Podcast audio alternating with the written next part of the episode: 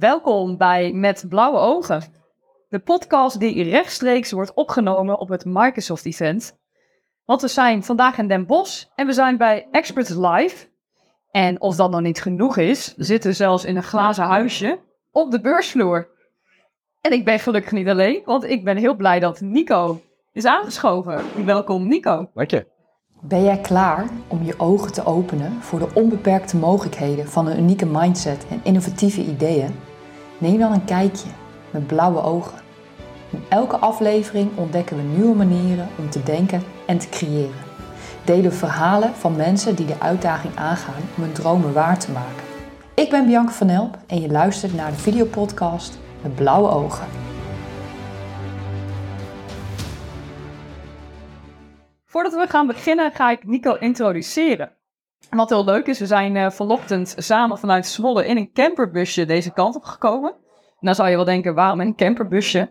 Nou, Nico uh, die heeft straks het geluk dat hij mooi doorgaat naar Zeeland om een uh, weekje te genieten van het lekkere buitenleven. Dus wij, wij hadden vanochtend al een beetje een schoolreisje gevoel. Maar wie is Nico? Nico is 40 jaar en is een veelzijdige persoonlijkheid die zichzelf op verschillende manieren labelt. Marketingstrateeg, coach en lichtwerker. En het leuke is dat Nico, uh, en wij hebben elkaar leren kennen omdat uh, Nico ook mijn coach is. En ja, op die manier uh, heb ik hem ook uitgenodigd voor deze podcast. Hij is oprichter van Onwijs Marketing en hij is sterk om lichtwerkers in de spotlight te zetten. En dat, gaat hij, dat doet hij dan vanuit hun authentieke, kwetsbare kracht. Maar wees gewaarschuwd, en dat voel ik ook wel. Want Nico is hier niet om de status quo te omarmen. Integendeel, hij is hier om uit te dagen. Nieuwe perspectieven te verkennen en verandering teweeg te brengen. En ja, hoeveel zegt het al dat wij over zulke onderwerpen het gaan hebben op een uh, techbeurs? Dus dat is al uh, iets van spanning wat ik wel voel. En uh, toen we hierheen gingen en net in de lunchtijd echt in het geroezemoesel kwamen, dacht ik, wow, dat is best wel, uh, best wel intens. best wel heftig. Best wel heftig, ja. Het is best wel een heftige omgeving, inderdaad. Maar Nico, laten we beginnen. Wat is jouw oogkleur? Mijn oogkleur is officieel lichtblauw. Maar hij is in de loop van de tijd is hij wat meer veranderd richting uh, een beetje groenig. Een beetje turquoise. Ja, mooi. Turquoise, dat klinkt heel mooi. En met wat voor blik kijk jij naar de wereld? Kan je ons meenemen? Mooie vraag. Met wat voor blik uh, kijk ik naar de wereld? Um, ik kijk naar de wereld eigenlijk heel liefdevol. Um, de, er zijn veel dingen op deze wereld die in mijn optiek niet um, helemaal lekker lopen. Oorlogen, mensen die misbruikt worden, machtsmisbruik, nou noem het allemaal maar op. Maar toch kijk ik er ook wel heel erg liefdevol naar. En zie ik ook wel echt een enorme beweging naar steeds meer mensen die echt met een stukje licht en liefde ook bezig zijn. Ja, want ja, licht. Ik heb best wel in mijn intro heel vaak het woord lichtwerker gebruikt. En ja, ik denk dat heel veel mensen echt geen idee hebben wat het inhoudt. Dus wat, wat is een lichtwerker? Ja, ja mooie vraag. Uh, lichtwerken is in mijn optiek, dat zijn mensen die uh, hier op aarde zijn gekomen om um, licht te brengen, letterlijk. Uh, licht in de zin van uh, lichtheid op bepaalde zware thema's. Uh, als je het hebt over seksueel misbruik, als je het hebt over machtsmisbruik, als je het hebt over zwaar gepest worden, over suïcide. dat zijn allemaal zware thema's um, waarvoor die lichtwerkers hier op aarde komen. En het punt is, wat je bij eigenlijk alle lichtwerkers ziet, is dat zij het thema zelf helemaal ervaren hebben. En daardoor ook heel goed weten hoe het is om die pijn te voelen. Uh, en juist ook op dat thema heel goed weten en voelen hoe ze dat juist anders in de wereld willen zetten. Want dat is uiteindelijk wel, het zijn mensen die gewoon met een bepaalde letterlijke zielsbestemming hier komen. En op dat thema, op die bestemming, heel veel licht en liefde proberen te brengen. Of in ieder geval brengen. Op de allerzwaarste thema's die er in de wereld spelen. Ja, en als jij daarmee aan de slag gaat, dus als jij dat soort ervaringen hebt en met die thema's aan de slag gaat, is dat dan eenvoudig? Of, want het klinkt dan als best wel moeilijk om daar voor open te staan en daar, nou ja, dat echt in de ogen te kijken, toch? Ja, uh, en dat is ook precies wat het verschil is. Heel veel mensen willen hun eigen zware thema's, hun eigen shit niet aankijken. Nee. Ehm, maar dat zie je bij lichtwerkers wel. Die, zijn, die hebben allemaal een bepaalde bereidheid. En die voelen ook, die, die, die voelen ook van ik wil hier iets mee. Ja. Maar weten vaak nog niet helemaal wat of hoe. Eh, maar die voelen wel die drang van ik wil deze thema's allemaal stuk voor stuk aankijken. Ik wil al die demonen, al die zware dingen die ik zelf heb meegemaakt, die wil ik transformeren. Ja. Maar ja, dat gaat wel over dat je bereid bent om, om je pijn aan te kijken. En net was jij eh, in een opstomming bezig en dat waren nogal grote thema's die je ook eh, net best wel in een heel kort tijdsbestek echt zo. En dat ik dacht, dat zijn hele grote dingen. En daarna gaf je wel aan, dat is ook vanuit ervaring. Dus het, Ja. een aantal wat je daarvan noemt, dat heb jij ook zelf eh, ervaren of eh, meegemaakt, begrijp?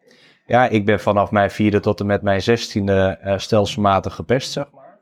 En eh, heb ook op mijn zestiende eh, ja, bijna de keuze gemaakt om uit het label te stappen. Dus Daar heb je de, bijna de keuze gemaakt. ja, toen ben ik naar de trein gefietst. Toen was ik er zo klaar mee dat ik elke dag getreiterd werd, elke dag gepest werd, nooit ergens bij hoorde. Nee. En dat ik echt zoiets had van ja, het is gewoon klaar. Ik stap van deze wereld af, want ik, hier wil ik niet leven. Dat is best, eh, best heftig. Ja, En, maar je stond er al wel. Ja, En- stond bij de trein. Maar ja, je zit nu hier, dus het is gelukkig niet gelukt. Zeg Nee. maar. Nou ja, dat is natuurlijk ook het mooie. Ehm, eh, toen ik naar de trein toe fietste, toen kreeg ik ook heel duidelijk een stem te horen. En ik wist toen nog niet zo heel goed wat het was, maar die zei tegen mij, ja, ja Nico, jij hebt gewoon hier nog een belangrijke taak op deze wereld. Dus jij mag niet gaan. En dat op je zestiende. Ja. En daar heb je toch naar geluisterd. Ja, ja, ik voelde ook meteen dat dat een hele mooie, mooie boodschap voor mij was. Zo. En dat je dat hier nu zo open deelt, eh, Ja. is, eh, is dat voor jou iets wat, wat je makkelijk afgaat om over zulke thema's te praten? Zo komt het over, maar weet je Ja. het zelf zo ervaart? Nou, toen ik het voor de eerste keer dat echt vertelde, dan hoefde ik je maar aan te kijken en dan was ik al volledig in tranen, zeg maar. Dan kon ik het niet eens uitbrengen. Nee. Maar ik heb daar gewoon heel veel verwerking op gedaan. eh, heel veel, ja, ook diepe eh, eh, innerlijke reizen ingemaakt. eh, transformatie, heling. Om juist die pijn allemaal wel nog een keer helemaal diep te doorvoelen, zeg maar. Van wat wil die pijn mij nu zeggen? En daaruit ook echt de kracht te putten van, hé, maar ik, ik voel ook dat ik juist op dit thema gewoon echt een transformatie heb gemaakt. Niet alleen voor mezelf, maar ook voor heel veel andere mensen die met dit thema spelen. Ja. En maakt dat ook, want in de intro gaf ik ook aan, hè, je bent ook mijn coach. En is dat ook een transformatie geweest dat je daar dus nu ook anderen dan, eh, dan bij helpt? Om, omdat je zelf die ervaring hebt en ook merkt wat het jou heeft eh, gebracht? Ja, het is juist ook omdat ik er ook openlijk over praat, ook op LinkedIn, zie ik ook dat Ja. heel veel mensen zich daardoor ook veilig voelen om, om zich bij mij te melden. Omdat ze weten dat ik er zelf ervaring mee heb. Eh, het daardoor ook durven te delen met mij. En daardoor eh, komen die mensen ook allemaal naar mij toe. Omdat ze gewoon zoiets hebben, ja, maar ik, ik voel dat ik het met jou kan delen. En dat kan, en, en dat is wat ik ook wel zie, is als je het over het thema suïcide hebt, heel veel mensen slaan stijl achterover als je dat woord alleen maar in de mond, ne- mond neemt. Ja, ja. En weet je waar, waardoor dat komt? Want ik merk dat jij ook wel spiritualiteit op een wat meer luchtige, aardse of bijvoorbeeld met humor kan brengen. Hoe, hoe kan jij dat? En, en waarom wil je dat ook graag op die manier overbrengen? Nou ja, humor is voor mij ook echt wel een. een Kijk, het, het leven is al zwaar genoeg, denk ik dan soms. Eh, als ik het dan ook nog eens heel zwaar ga maken met alleen maar eh, eh, zware thematiek, alleen maar in de zwaarheid ook houden, zeg maar. Ja. is het voor mij veel fijner om ook een stukje luchtigheid in te brengen, omdat het ook gewoon af en toe heel erg grappig is. Ook als je naar je thematiek kijkt, en dat is het weer hoe ik er naar kijk vanuit spiritueel, spiritueel oogpunt, is je hebt voordat je hier geboren bent, heb je zelf voor die thema's gekozen. Je hebt zelf voor het gezin gekozen waar je in bent gekomen. Je hebt zelf voor je ouders gekozen. Oké. En daardoor is het ook weer heel erg grappig. In die zin, ja, eh, je hebt die zelf voor gekozen. Veel succes, gast. Oh, maar dat is, voor mij is het best wel nieuw. En ik kan me voorstellen als jij nu luistert en kijkt ook, dat je denkt, ja, wat zeg je nou Nico? Je kiest zelf waar jij geboren wordt?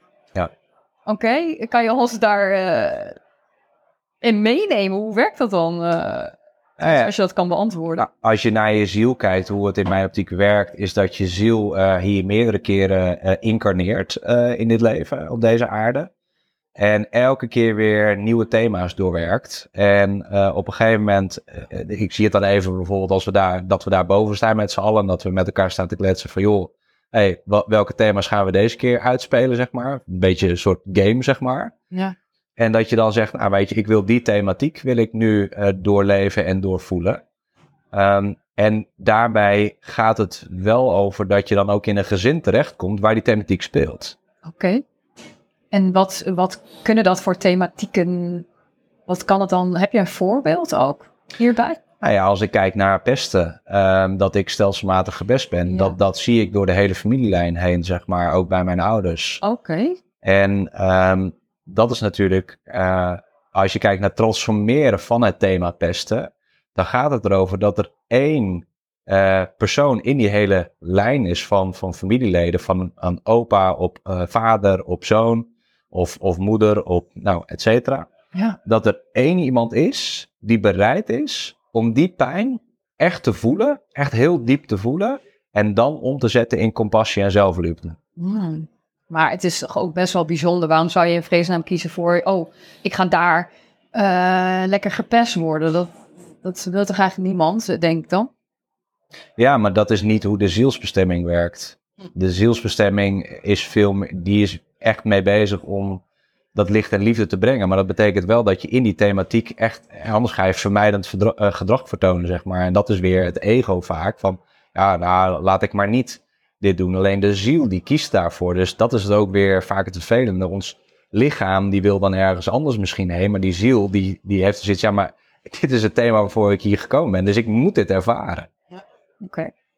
Ja, en ik, ik merk wel, hè, er zijn best wel wat woorden hè, qua ziel. En, en- nou ja, je hebt het zelfs over reïncarnatie eh, gehad. Als ik naar mezelf kijk, dan...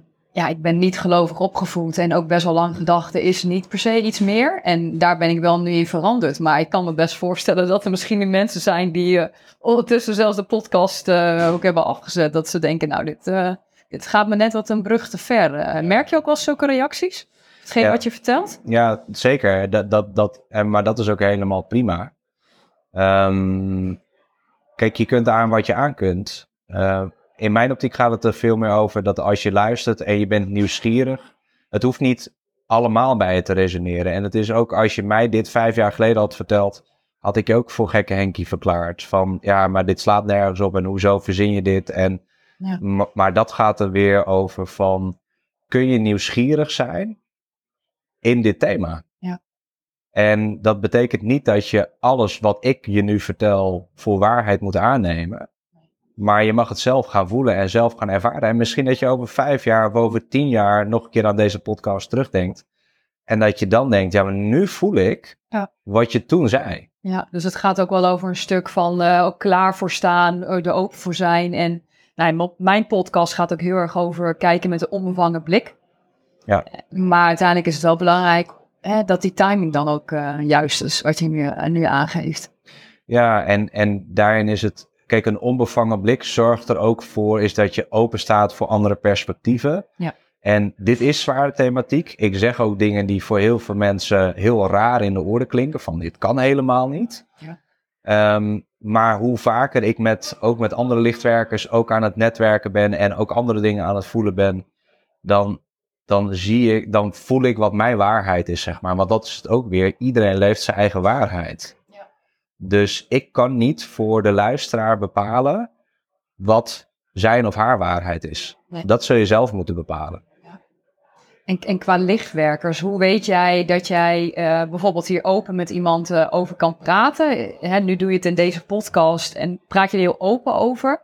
Maar merk je ook dat je tegen iedereen er zo over praat? Of ben je daar wel wat selectief in? Wat je de een vertelt en de ander. Nee, daar ben ik wel selectief in. Ja? Kijk, op LinkedIn ben ik er heel open in en zorg ik er echt voor dat, dat alle lichtwerkers zien wat voor content ik plaats. En dat ik daar eh, ook gewoon openlijk in ben. Ja. Alleen, ja, dat zorgt er natuurlijk ook voor dat mensen afscheid van mij nemen. En dat is natuurlijk ook in de afgelopen jaren heb ik dat ook gezien. En ook bij vrienden.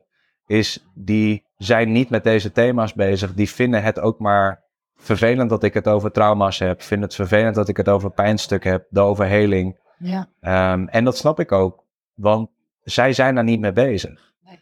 En dat is natuurlijk ook, kijk, ik voel heel sterk aan bij welke persoon ik er wel het over kan hebben en bij welke persoon ik het er niet over kan hebben. Maar dat gaat heel erg over afstemmen. Ja. Dus ik kijk vaak iemand in de ogen en dan tune ik even in van, hey, kan ik hier informatie aan kwijt, ja of nee? En als ik voel, hey, hier is ruimte, dan, en, en ik stel vaak ook een aantal vragen om eens te kijken hoe ver is iemand. Oh, ja. Oké. En wat is dan bijvoorbeeld een vraag die je dan zou stellen om te checken van, hé, hey, waar, waar sta je ergens op je pad? Nou, het, wat eigenlijk heel grappig is, ik laat meestal heel veel stilte vallen. Oké. En ehm, dat is ook weer als ik ervan uitga dat de zielen al met elkaar aan het communiceren zijn, kan die stilte ervoor zorgen dat er al, hè, dat, dat zie ik heel vaak, dat mensen ergens naar me toe komen en dan ze vanuit het niks beginnen te kletsen. En ik denk dan, oké, interessant. Blijkbaar trek ik jou aan. Ja. Wat voor thema wil je mij vertellen?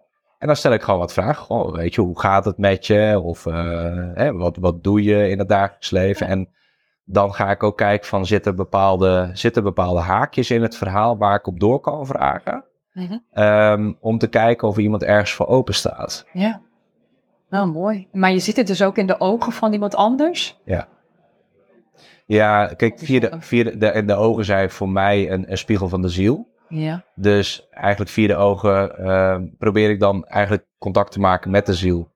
Om ook echt eh, even te, te zien van, hey, wat eh, is, is deze ziel er al klaar voor om bepaalde zware thematiek te behandelen? En dat is waarom ik het ook op LinkedIn zo openlijk deel, is dat, dat de mensen die er klaar voor zijn bij me komen. En, En- hoe, eh, hoe deel jij dan op LinkedIn? Want eh, zijn dat dan eh, teksten of eh, werk je ook met video's, zoals ik nu met mijn podcast ook hè, met video werk? Hoe eh, draag je die boodschappen uit op LinkedIn? Ehm, ik deel heel veel video's en dat is Video's. tegelijk ook wel weer eh, een spiritueel grapje. Ik heb eh, een keer contact gehad met een medium. Ja. En eh, die zei tegen mij, oh jouw eh, opa komt door. En eh, ik kende haar nog helemaal niet. Dus ik zeg, nou opa, eh, wie bedoel je? En ik dacht eerst dat het van mijn vaders kant was. Maar ze zei, nee, het is volgens mij meer van je moeders kant. En, eh, maar hij is heel erg grappig. En hij wil je eigenlijk iets laten zien. Oké. Dus ik dacht, nou ja, kijk, ik ben heel erg nieuwsgierig. Dus ik denk wel, ja, laat maar komen. Weet je, Ja. je maakt mij de kop niet gek. Dus Ja. kom maar door. En zij stuurt mij een plaatje. En in dat plaatje zie ik iemand met een, een tong in de vorm van een pompenblad. En een Ah. pompenblad is weer het teken van de Friese vlag. En ik Ja. ben geboren en getogen in Friesland. Dus dat was voor mij een heel duidelijk teken. Wat ik, wat ik zelf op dat moment voelde, is hij wil me vertellen dat ik ook mijn Friese stem mag laten horen. Ja. En toen ben ik gewoon Friese video's gaan opnemen. En om gewoon te zien wat het zou doen met alle volgers uit Brabant, uit Rotterdam, uit Limburg, uit Noord-Groningen, alle regio's. En het is verbazingwekkend dat heel veel mensen teruggeven, hé, maar ik kan het heel goed verstaan. Ja. Maar dat geef ik ook altijd wel als boodschap mee, dat als ze starten met luisteren, dan, dan zeg ik altijd, oké, als je deze video gaat luisteren, ik ga het over een bepaald thema hebben, tune in op je hart. Dus tune in op je hart, ga met je aandacht naar je hart toe, ga vanuit je hart luisteren, want de taal zelf, het Fries, is niet altijd goed te verstaan. Nee. Maar als je met je hart luistert, dan kun je zelfs bij wijze van spreken Chinees verstaan. Echt waar? Er zijn, er zijn, ik, ik hoorde laatst van een collega lichtwerker die zei, bestaat een video, ik heb hem gevraagd, heb je die video van mij, die heeft hij nog niet gevonden. Dus, maar hij zei wel, da- daar werd gewoon uit duidelijk dat je dus gewoon echt vanuit je hart naar iemand kunt luisteren en dat, dat taal dan veel minder belangrijk is. Ik heb het zelf ook ontdekt inderdaad. Dat als ik naar, ik dacht ook Fries, nou ja, misschien scheelt het omdat ik in Drenthe ben opgegroeid dat ik dacht ik kan dat wel verstaan. Maar Fries is dan natuurlijk niet eens een dialect, het is zelfs een andere taal. Maar ja, het was wel voor mij bijzonder inderdaad om te ontdekken dat ik het dan kon verstaan. Dat, eh, maar ik vind ook echt, is, is iedereen er oké mee? Want wat natuurlijk altijd wel de uitdaging is, ook als je je nek uitsteekt en wat je best wel bijzondere, impactvolle boodschappen brengt, Ja. krijg je vast niet altijd zulke hele leuke reacties. Nee, nee, nee. Kijk, er zijn ook mensen die wel boos op mij worden. En eh, die ook wel vervelende opmerkingen af en toe maken. Maar dat is nog zeer marginaal op LinkedIn. Ik probeer daar ook altijd wel in liefde bij te blijven. Zoals mensen boos worden. Kijk, dat is hoe ik kijk naar andere mensen. Is zij hebben hun thematieken. Zij hebben hun shit. En kijken naar mij vanuit hun blik. ja. vanuit hun waarheid. Eh, en als ik torn aan jouw waarheid, dan is het irritant. Ja, zeker. Want ik ga je eigenlijk ga ik je een beetje van je plek afschudden. Ja. En dat is ook, ik moet de status quo uitdagen. Dus ik moet je uitdagen om van je plek af te komen. Ja. Maar als ik dat doe, dan wordt het als irritant beschouwd. Wat krijg je dan? Kijk, eh, eh, als je het heel dicht bij jezelf kunt houden, dan is het altijd iets wat, wat in jezelf raakt. Eh, al als mensen dan naar mij zeggen, jij doet dit, of jij bent een klootzak, of jij mag niet zus, of jij mag niet zo. Dan probeer ik eerst rustig daarin gewoon te blijven en te spiegelen. En te kijken van, hey, wat raakt het bij jou? Als mensen daar niet voor openstaan, en dat merk ik ook wel eens, dan is het voor mij op een gegeven moment ook gewoon klaar. En dan zet ik een grens neer, maar dan verwijder ik iemand uit mijn netwerk. Dus dat is voor mij ook heel simpel. Maar ik, ik geef je eerst drie kansen. Dus bij mij heel ver gaan. Maar als je, als je dan niet indampt en terugspiegelt naar jezelf van hé, wat raakt het in mij? Want het heeft namelijk helemaal niks met mij. te- Ik breng een boodschap, al, al heb ik het over voetbal. En al zeg ik dat voetbal op en neer gespeeld wordt. Dat is een ander perspectief. Dat mensen denken, maar dat kan helemaal niet. Ja, maar de grap is, alles kan. Dus als ik je dat ineens ga vertellen, en dat zet jouw wereldbeeld op zijn kop, dan is, het, dan, dat is toch niet mijn verantwoordelijkheid dat jij dat laat gebeuren. Ja. Je kunt ook tegen mij zeggen, ja, je bent een oelewapper. Ik luister er gewoon niet naar. Ja. Dat is ook prima. Laat het weer los. Maar Ja. ja, als je dan weerstand bij een ander merkt of iemand die toch negatief zich uit, dan kan je dat op die manier in perspectief, eh, Ja. perspectief zetten. Ja, weerstand is altijd een compliment. Hè? Dus als mensen weerstand gaan bieden aan mij, dan weet ik, hé, hey, nu, nu wordt het interessant. Oké. Nu gaat er iets gebeuren. Nu zit ik op een thema wat je irritant vindt. En dan ga ik kijken of ik mijn vinger nog wat meer op die plek kan duwen. Om te kijken of, of er iets dieper zit, zeg maar. Ja. Maar wat ik dan wel, wat mij opvalt, is dat jij vroeger gepest bent en de ervaring hebt dat je er niet bij hoort. Ja. Maar dat je dus ook weer de status quo aanvecht. En dan denk ik, ja, maar dan ga je jezelf toch ook best wel elke keer uitdagen met dat je jezelf ook op een positie zet dat je er dan ook niet bij hoort. Of wel? Of ervaar je dat niet zo? Nee, ik ervaar dat niet zo. Want, want voor mijn gevoel is de groep lichtwerkers steeds meer aan het groeien. En voel ik me daar heel erg thuis. Ja. Maar is het natuurlijk, de status quo is voor mij gewoon ook bijvoorbeeld overheden, hoe die dingen aanpakken waar ik het gewoon niet mee eens ben. Eh, eh, bepaalde groeperingen of bepaalde directeuren, hoe die met bedrijven omgaan of met mensen omgaan. Ik echt denk, of hoe we met de natuur omgaan, dan denk ik van, ja, ik heb daar heb ik eh, op, een, op een nette manier te provoceren Ja. zodat mensen anders gaan kijken en naar zichzelf gaan kijken en, en tot het besef komen, hé, hey, maar fuck, ik heb gewoon een verantwoordelijkheid hier als directeur. Ik Ja. kan dit anders aanpakken. Ik kan anders met mijn mensen omgaan, waardoor dit bedrijf of eh, deze mensen anders gaan presteren, waardoor eh eh, welzijn Mhm. centraal komt te staan in plaats van welvaart. Ja. Maar het is denk ik best wel lastig om de andere mensen mee te nemen, omdat het nu ook wat overkomt. Ja, je bent een soort redder of hè, weet je wel. Of ik kan me, niet dat ik dit nu vind, maar ik kan me voorstellen dat het zulke reacties kan oproepen. Ehm, Ja. Ik weet niet of dat resoneert bij jou, maar ik ben benieuwd, hoe ga je daar dan mee om? Want je wil wel dingen veranderen, maar hoe neem je anderen mee zonder je daar dan boven te plaatsen of eronder te plaatsen? Of hoe neem je iemand op een, op een mooie manier daarin mee? Nou, wat, wat ik voornamelijk ook probeer te doen, is dingen te vertellen vanuit mijn eigen ervaring. Dus wat ik zelf heb meegemaakt, hoe ik daar tegenaan kijk, wat mijn mening is.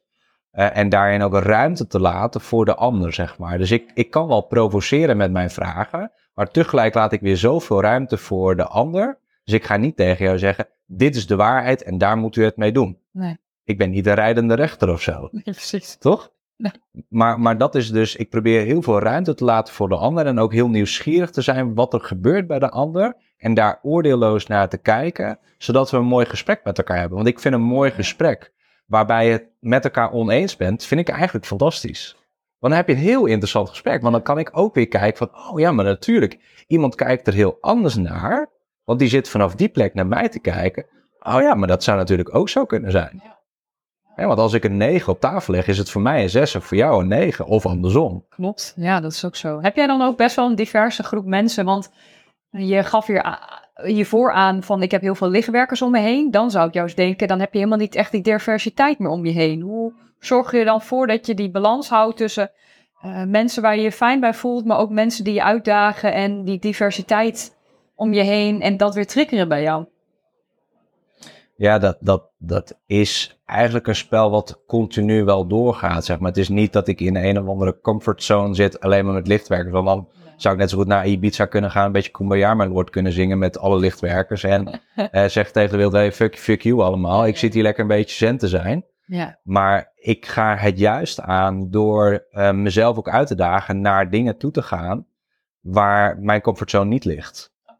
En dat is natuurlijk op LinkedIn ook, weet je, ik deel het zo openbaar, is dat natuurlijk als er lichtwerkers op reageren, en daar zit ook al heel veel ongemak, want niet elke lichtwerker accepteert zichzelf zo'n rol als lichtwerker. Maar die, eh, als die gaan liken en gaan reageren, komt het ook weer in een netwerk van hen terecht. En daar zit natuurlijk ook weer ongemak. Dus gaan ook weer mensen zien van, hé, maar wat de fuck is dit? Ja. En waarom zeg jij dit? En, en wat doe jij irritant? En waarom, waarom deel jij zoveel dingen over die kwetsbare stukken? Ja. En, en wat je net aanstipte van uh, met z'n allen op een eiland zitten en uh, kumbaya, is dat, dat, dat het beeld wat het soms oproept, wat mensen hebben bij hetgeen waar jij je mee bezighoudt? Waar kom, ja, je dan? Nou, kijk, het, het is, kijk, je, je hebt, kijk, ik ben van mening dat iedereen zijn zware shit heeft aan te kijken. Dus alle thematiek die bij jou zelf spelen, dus alle pijnen die je hebt, alle uh, ellende die je zelf hebt meegemaakt, heb je allemaal te doorvoelen. Maar dat heeft met een bepaalde bereidheid te maken. En wat ik ook wel zie is dat er een aantal mensen gewoon in uh, het licht vluchten. En gewoon letterlijk zeggen, ja, ik ga gewoon lekker Kumbaya mijn Lord zingen in mijn oranje broek. Ik ga lekker zen lopen doen en met mijn yoga uh, klasje op Ibiza. En dat is helemaal prima, hè? het is jouw leven. Ja. Alleen ik heb dan zoiets, ja, maar dit is, dit, nu vlucht je voor dat wat je taak is. En je taak is je shit opruimen. Ja. Maar hoe weet je dan wat, wat je taak is? Want dat is ook weer een, een nieuw iets. Uh, wat, wat ik denk, ja, wat is je taak? Wat, wat bedoel je daarmee? Uh, kan je daar eens in meenemen? Nou, uh, kijk, ik, ik, voel al heel lang, tenminste sinds een jaar of vijf, dat ik gewoon die shit heb op te ruimen. Want dat is ook gewoon letterlijk, ik zat op de bank en dat ik gewoon me echt afvroeg als ondernemer van, maar waarom groei ik niet verder? Oké, okay, ja. Je stond en stil. Ik stond echt stil. Ik, ik, ik had voor mijn gevoel alles al uitgespeeld. Ik had alle soorten bedrijven al gehad. Ik had alle vraagstukken al gehad. Dat ik echt denk, ja, maar het wordt niet veel spannender. Ja. Wat is potato, potato? Al die marketing. Precies van midden 30 en dan had je het gevoel al. Ja. Uh, oh jee. Dus toen heb ik mezelf de vraag gesteld. En ik weet ook niet waar die vraag vandaan kwam. Maar welke, welke dingen durf ik nu niet aan te kijken, waardoor ik niet verder groei? Ja. En toen kwamen er gewoon twee thema's kwamen heel sterk naar boven. En dat was de relatie met mijn vader. En dat was mijn hele pestverleden. Ja. Dat durfde ik gewoon echt niet aan te kijken. Nee. En toen had ik zoiets van, ja, maar dan ga ik het nu wel aankijken. Ja. En toen ben ik gewoon openlijk daarover gaan delen. Want ik wist ook niet... Heel veel mensen hebben tegen mij gezegd, joh, maar als je dit deelt, moet je naar een therapeut, of moet je naar een psycholoog, of moet je naar een Ja. psychiater, of moet je dit. Alleen, ik heb altijd, en dat is meer, meer dat eigenwijze, altijd weer op mijn gevoel ingetuned. Ja, maar wat voel ik wat ik moet doen? Ja. En ik voelde dat ik het openbaar moest delen. Maar hoe tune jij in op je gevoel? Want het lijkt alsof dat heel vanzelfsprekend is, maar dat is even de vraag, eh, heb je daar een trucje voor? Of wat, wat is dat? Nou ja, kijk, het is jarenlange training. En, en ook door al die healings kom je steeds dichter bij het gevoel. Kun je ook steeds beter identificeren wat is van jou en wat is van mij. Ja. Ehm, plus, ehm, kijk hoe rustiger het hier wordt. Kijk, mijn gevoel zit hier in mijn buik. Maar een ander is een, een, een hartvoeler. Eh, de ander heeft het weer ergens anders zitten, in zijn hele lijf bijvoorbeeld. Dus dat verschilt heel erg per persoon. Ja. Ehm, alleen wat ik altijd doe, is als iemand mij wat vraagt, tune ik in op mijn buik. Om echt even te voelen, doe ik ook wel eens mijn ogen dicht, om echt even te voelen van, oké, maar wat zegt hij? Gaat mijn buik borrelen? Geeft hij weerstand? Eh, dus om- omdat in mijn optiek mijn darmen, die geven eigenlijk alles wel aan. Zeg. En hoe weet je dan dat, het, eh, dat je, je darmen zijn? Hoe kom je daarachter? Dat, ja. Ja, de, eigenlijk is dat gewoon door schade en schande wijs worden. Dus ik, ik heb ook een aantal projecten gedaan in mijn ondernemerschap waarbij ik absoluut niet naar mijn gevoel heb geluisterd. Niet, Oh ja. niet naar mijn intuïtie heb geluisterd. Dat is eigenlijk een betere vertaling, mijn intuïtie. Ja. Ehm, en dan achteraf besprak ik het met mijn vriendin, die is ook heel intuïtief. En dan Ja. zei ze, ja, maar wist je dit van tevoren al? Ja of nee? Oh. En zei ik, ja, ik, ik wist dit van tevoren al, dat deze, dat deze klus niet, eh, eh, niet goed zou zijn voor mij. En En wat had je dan, dat voelde je dan eigenlijk al toch al wel in je buik? ja, dat voelde ik al in mijn buik. Ik voelde al buikpijn. Oh, je voelde al buikpijn. En dat was, dat, kijk, dat is voor mij een hele harde les geweest in mijn ondernemerschap. Van, doordat ik die pijn heb gevoeld van, van eh, een, een, casus waar ik gewoon 10.000 euro door, door mijn neus geboord heb gekregen, zeg maar. Eh, toen had ik zoiets, ja, maar ik heb niet naar mijn gevoel geluisterd. Zo. Nou, dat is ook wel heftig. Dat heeft wel veel impact. Ja, maar goed, die les krijg ik op mijn bordje omdat ik hem te leren heb. En ik vraag me dan na zo'n tijd af, ben ik bereid om deze les te leren, ja of nee? Want als ik niet bereid ben om hem te leren, krijg ik hem nog een keer op mijn bordje. Net zolang tot ik bereid ben om hem te leren, want dat is hoe het leven in mijn optiek werkt. Ja. En, maar ik heb toen gezegd, ja, maar ik ga nooit meer keuzes maken, dit soort zware keuzes maken, die weg van mijn gevoel zijn. Of als mijn buikgevoel, mijn, mijn intuïtie zegt, eh, niet doen, Ja. dan is het gewoon een nee. Ja. En dat, dat, heel veel mensen hebben ook afgelopen jaar tegen mij gezegd, ja, maar je moet dit doen en je moet dat doen. Ik zeg de hele tijd, ja, maar mijn intuïtie zegt nee. Ja. Dus je kunt tegen me aanlullen wat je wilt. Hij zegt nee. En een nee is bij mij een nee. Ja. Nou, dat is wel heel waardevol. En ja, dat wat dan buik, eh, buikpijn toch te geven is natuurlijk wel een eh, behoorlijke trigger inderdaad. En je noemde net ook al, van dat is de manier waarop ik kijk naar, naar tegenslagen. Hè? Dus als ik het goed begrijp, is bij jou een tegenslag een les. Ja. En zorgt het er ook voor dat je er veel zachter... Hè, je kan als je een tegenslag hebt helemaal eh daarvan balen, verdrietig van worden, boos van worden. Ja. Ervaar jij ook zulke emoties? Of is dat door de manier waarop je na- naar kijkt, hè, die, die mindset die je net aanstipt, maakt het het ook lichter? Ja, kijk, ik ben niet onschendbaar of zo. Het is niet dat ik nu zeg van, oh, eh, alles wat me overkomt is helemaal dikke prima. En Ja. eh, weet je, kom jij mijn lord? Nee, echt, Nee, echt niet. nee. Alleen, ik kan er wel anders naar kijken. Ik, ik stel mezelf elke keer de vraag, en ook vanuit die nieuwsgierigheid, van hé, hey, maar waarom gebeurt dit? Ja. Wat wil het leven mij vertellen? Of als mijn lijf eh, pijn doet, of als ik een blessure krijg, of als er wat, wat gebeurt van. En ik weet ook niet altijd meteen het antwoord. En dat is het ook niet. Ik, ik hoef het niet op dat moment te weten, maar wel de vraag te stellen vanuit nieuwsgierigheid: waarom gebeurt dit? Ja.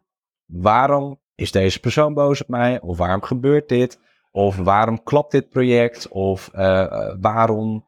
eh, nou, we hadden met onze camper vorig jaar dat onze koelpomp eh, de, eruit schoot, zeg maar.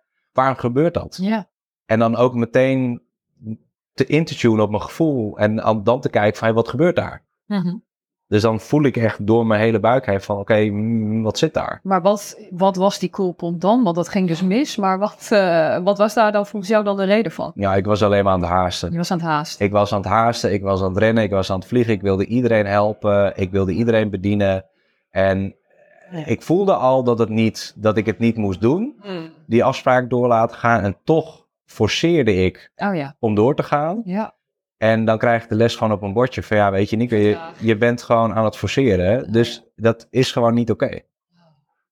Vertraag, heb aandacht voor je processen, zorg goed voor jezelf. Want dat is wel prio nummer één, zorg goed voor jezelf. Zorg is ook, eh, ja, zeker. En ik zit, ik zit wat naar je ketting te kijken. Dus eh degene die, eh, die ook meekijken, die zullen ook zien dat, eh, ketting, dat, dat Nico een ketting draagt. Kan je, kan je iets vertellen over, de, over die ketting? Waarom, eh, ja, betekent het ook iets en is er vanochtend ook iets mee, eh, Ja. gebeurd? Ja, ik, ik had vanochtend ook haast. ja. En dat is ook zeg, ik ben niet, niet onschendbaar. En, en omdat ik vanochtend haast heb, heb ik de onderkant afgebroken. ja, Dus ik gooide hem per ongeluk op de grond. En ja, dat is gewoon shit met peren. Maar ja, aan de andere kant is het ook gewoon weer, hey, eh, shit gebeurt. Ja. Eh, het is wat het is. Ik kan me daar dan nog tien keer over opwinden, wat ik vroeger wel altijd deed. Ja. Want dan word ik echt boos op de boosheid. oh ja, En ik mag Ja. niet boos zijn. nee. En vervolgens nog bozer worden omdat ik boos was. Oh ja, zo je lekker jezelf straffen en nog een keer uh, Ja. zit er zo'n lekkere cyclus. Ja, maar dan krijg je een hele lekkere opstapelingscyclus. En dan ga je zelf alleen maar heel veel zelfsabotage toevoegen. En ik had nu gewoon zoiets van: oké, het is gebeurd. Ik kon het ook heel snel Je hebt loslaten. het toch weer omgedaan. Je zou kunnen Ja. denken, nou, ik gooi hem in de prullenbak. eh, maar je hebt Nee. het toch weer om. Nou, kijk, het is voor mij ook wel weer een, een, een- Ik ga het ook mijn neef vragen, want ik heb hem voor mijn neef gehad. En hij kan ook heel precies invoelen van waarom gebeuren bepaalde dingen. Ja. Dus ik ga hem ook gewoon eens vragen van, hey, wat voel jij erbij dat dit gebeurd is, zeg Ja. maar. Ja. En voor mij voelt het ook gewoon wel als, als gewoon even weer even een duidelijke boodschap. Nico, niet haasten. Heb nou gewoon aandacht voor je proces. Doe het stap voor stap. Zorg ervoor dat je goed voorbereid bent. Of in ieder geval rustig met aandacht je stappen neemt. Want stel, als jij niet met aandacht die stappen neemt, nou, dan ervaar je, krijg je op die manier wel eh, de, de spiegel hè, voor je neus. Maar Ja. wat merk je, waarom is het zo belangrijk voor jou om alles met volle aandacht te doen? Want we- dat kan toch niet altijd. En we zijn ook wel wat multitaskers.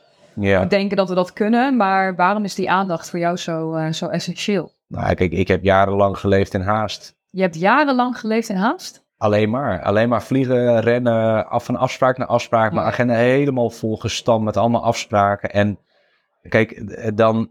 Ik was heel erg bezig met mijn kwantitatieve impact. Oh ja. Dus heel veel mensen willen helpen en heel veel werk willen verzetten. Maar daardoor mezelf helemaal op nummer 10 ergens zetten in plaats van op nummer 1. Ja. Ehm, en ik merk gewoon dat als ik voor aandacht ga, als ik gewoon zeg, hey, ik heb twee coachafspraken per dag, dat is meer dan voldoende, kan ik volle aandacht aan die persoon geven. Kan ik ook echt naar kwalitatieve impact toe gaan. Ja. En dat is in mijn optiek, eh, dat heb ik ook wel de afgelopen jaren geleerd van, hé, hey, maar ik moet echt voor die kwaliteit gaan. En niet voor de kwantiteit. De kwantiteit volgt op kwaliteit. Eerst ervoor zorgen dat die één op één, dat dat allemaal helemaal eh, eh, fundamenteel goed staat. Dat ik echt volle aandacht heb. En dat gaat ook over aandacht hebben voor de natuur, voor het reizen, eh, een stukje slow travel. Ja. Ik zie gewoon als mensen gaan vertragen in het leven, is dat, dat je ook veel meer ziet. Ja, wat heb jij bijvoorbeeld, want je stipt eh, nu kort even reizen aan. Wat, wat zijn dan lessen vanuit reizen wat je, wat je vandaag de dag eh, meeneemt? Nou, ja, dat is een hele grappige. Die bedacht ik van de week. Is file is eigenlijk heel erg goed. Oké. Ehm, en dat, dat, dit bedoel ik ook een beetje met de status quo uitdaging. Is mensen denken dan meteen file is goed, file is kunt. Ja. Eh, alleen, ik, kijk, ik zie hem zo. Is als jij in de file staat, dan rij je dus heel langzaam. Dan heb je dus alle tijd om je heen te kijken. Ja. En dan heb je tijd om even naar de bloemetjes te kijken en naar de bomen. Maar als je met 120 over de snelweg jakkert, Ja. dan zie jij niet, hé, hey, dat is een mooie boom. En oh, daar zie ik een mooie roofvogel. Of daar gebeurt dit. Dat zie je helemaal niet. Dus je bent alleen maar sjoef, sjoef, sjoef door het leven aan het racen. Ja. En in mijn optiek is dat ook weer een hele mooie metafoor terug naar je eigen leven. Is als jij eh, vertraagt, dan zie je dingen. Hè, ook al wil je je kinderen zien opgroeien, vertraag maar. Hè, neem maar even een tijdje wat minder werk aan. Ga maar eens kijken naar hoe je kinderen opgroeien. Ja. Hoe mooi is het om te zien wat je kinderen doen? Hoe mooi is het om te zien hoe. Ik, ik kijk ook wel eens n- buiten het raam. Wij hebben zelf geen kinderen. Dan kijk ik buiten het raam en dan zie ik de kinderen spelen buiten. En denk ik, wauw, dat is toch mooi hè? Staat hij daar met zijn zwaard, staat hij daar te slingeren, Oh ja, staat ja. hij helemaal in zijn eigen wereld. Dat is Ja. mooi. Ja, dat is heel mooi. Ja, kinderen die, eh, die kunnen heel goed eh, in het nu ook leven. En dat speel ze nog eh, meenemen. Maar, maar dat is ook precies wat ik mensen eigenlijk altijd weer bijbreng. Is als ik ze coach, is weer teruggaan, teruggaan naar die essentie. Want eigenlijk die kindse nieuwsgierigheid, die kindse speelsheid, daar breng ik je vaak weer naar terug. Als je gaat spelen in je marketing, als je gaat spelen in je ondernemerschap, als je gaat spelen in alles waar je mee bezig bent, wordt het veel luchtiger allemaal. Ja. En ben je niet zo bezig met, oh, ik moet eh, een of ander architectuurplan hebben voor mijn zandbak. Ja. Nee, daar ben je niet mee bezig. Ik ben gewoon met die zandbak bezig. Ja. Ben gewoon aan het graven. Ja, dus dat is ook die luchtigheid die je dan weer brengt. En ook die humor om dat, eh, dat overbrengen. Hè? Dat, Ja. dat speelse karakter eh, Ja. aan te stippen. Mooi. En je vroeg me net ook nog, hè, met dat reizen, daar heb ik eigenlijk nog helemaal geen antwoord op gegeven. Ja, ik dacht ook opeens, hé, je hebt het nu over reizen van het verkeer. Maar ik had Ja. inderdaad het reizen meer... eh, nou ja, nu ben je met de camper op pad en onderweg naar Zeeland. Maar ja, kan je nog eh, iets vertellen over reizen, wat je daaruit hebt gehaald? Nou ja, dat was vorig jaar heel erg mooi. Toen zijn we eh, drie maanden op pad geweest door Scandinavië. En ehm, kijk, wat een beetje natuurlijk in deze haastige maatschappij eh, het, het geloof is, of eigenlijk de overtuiging is van ja, maar ik moet werken.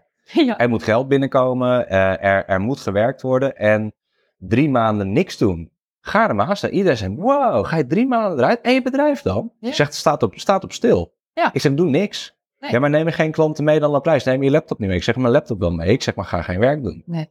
Oh, oké. Maar hoe doe je dat dan? Alleen dat is ook, ik heb mezelf toegestaan om in de rust te komen. Om ook gewoon weer eens te reflecteren op wat ik allemaal heb gedaan. En vanuit die reflectie, vanuit die rust, en dat is weer hoe intuïtie ook werkt, die, die intuïtie heeft stilte nodig. Ja. Die intuïtie heeft even niet duizend mensen om je heen nodig, want dan hoor je jezelf, hoor je eigen intuïtie helemaal niet. Dus, en dat is het ook weer, als je helemaal in een bepaalde rustmodus komt, dat heb ik ook gemerkt, ben ik ook weer heel veel meer gaan dromen. En heb ik ook in die droom gewoon heel duidelijk afgelopen jaar verteld gekregen. En ik werd ook wakker, voelde het ook gewoon meteen, dat ik hier voor die lichtwerkers ben. Wauw, mooie Ver- bevestiging. We hebben zo duidelijk verteld, jij bent hier voor de lichtwerks. En ik kreeg ook de boodschap mee, je mag die term meteen gaan gebruiken. Want het is wel eens tijd voor alle lichtwerkers om uit de kost te komen. mooi. Dankjewel Nico. We gaan richting eh, afronding. Mooi. Ja, heb jij eh, tot slot nog een advies? Iemand die ook op zoek is naar een meer humoristische benadering van die spiritualiteit. Is, is er een eerste stap, eh, stap te maken? Want jij hebt eh, zoveel stappen al gemaakt. Waardoor sommigen kunnen denken, wow, dat is echt ver van mijn bedshow. Wat, wat is een eerste stap? Ja, kijk, sowieso zou ik jezelf willen vragen om dicht bij jezelf te blijven. Dus echt voelen, als je kunt voelen, hè, want dat is natuurlijk altijd weer de vraag. Wat voel je dat je eerste stap zou moeten zijn? Nou, dat kan bijvoorbeeld deze podcast al nog een keer luisteren zijn. Dat je zegt, nou, ik ga het nog een keer luisteren. Om te kijken of er nog meer boodschappen in zitten die ik eruit pik. Eh, het kan ook zijn dat je er dingen over gaat lezen. Over spiritualiteit. Of over hoe werkt zoiets. Of hoe werkt heling. Of hoe Ja, hoe zit dat dan in elkaar? Hè? Want het is natuurlijk, wij mensen vinden het vaak fijn dat dingen eerst via de cognitie worden aangeboden. ja zeker. En kijk, wat in mijn optiek het meest simpel is en ook gewoon heel erg grappig en ook wel via de cognitie gaat, is eh, verdiep je eens in je eigen human design. Dus hoe ben je hier geboren? En als je googelt op human design, eh, kijk, ik werk met, met Roos, met Roos Litjes samen en ik vind haar fantastisch, maar er zijn nog wel meer experts die je daarop kunt vragen. Maar ik ben van mening dat als je je eigen human design gewoon een keer laat lezen. En ik had echt de eerste keer dat ik bij haar kwam, dat ik echt dacht: jij kunt mij dit helemaal niet vertellen. Jij kent mij helemaal Nee. niet. Hoezo weet jij dit van mij? Ehm, laat je maar verbazen. Ja. Het is een heel mooi model. Eh, het zegt wat over je geboorte, waarom je hier gekomen bent. Het zegt wat over je missie hier. Ehm, wees maar nieuwsgierig. Mooi. We gaan, eh, we gaan het eh, afronden. En ik zou in de show notes, want eh, Nico zegt best wel wat nieuwe dingen. En we hebben het over healing. En nu begint hij je op het laatste moment nog over human design. Hoppakee. Dat is om te denken, nou daar heb ik echt nog nooit van gehoord. Ik zal in ieder geval in de show notes eh, meenemen een linkje naar human design. Dan kan je altijd voor jezelf kijken van, nou, eh, spreek me dat aan. Wil ik me daar verder in verdiepen? We hebben samen een reis gemaakt door ontdekkingen en nieuwe manieren om naar de wereld te kijken met blauwe ogen. Bedankt voor het luisteren. Hou ons in de gaten door onze social media kanalen te volgen en laat me weten waar jij naar uitkijkt. Tot de volgende aflevering. En dan eh, ja, bedank ik jullie weer voor jullie aandacht. Leuk dat je weer eh, keek met blauwe ogen. Hier live vanuit de beurs, beursvloer in Den Bosch. Tot ziens.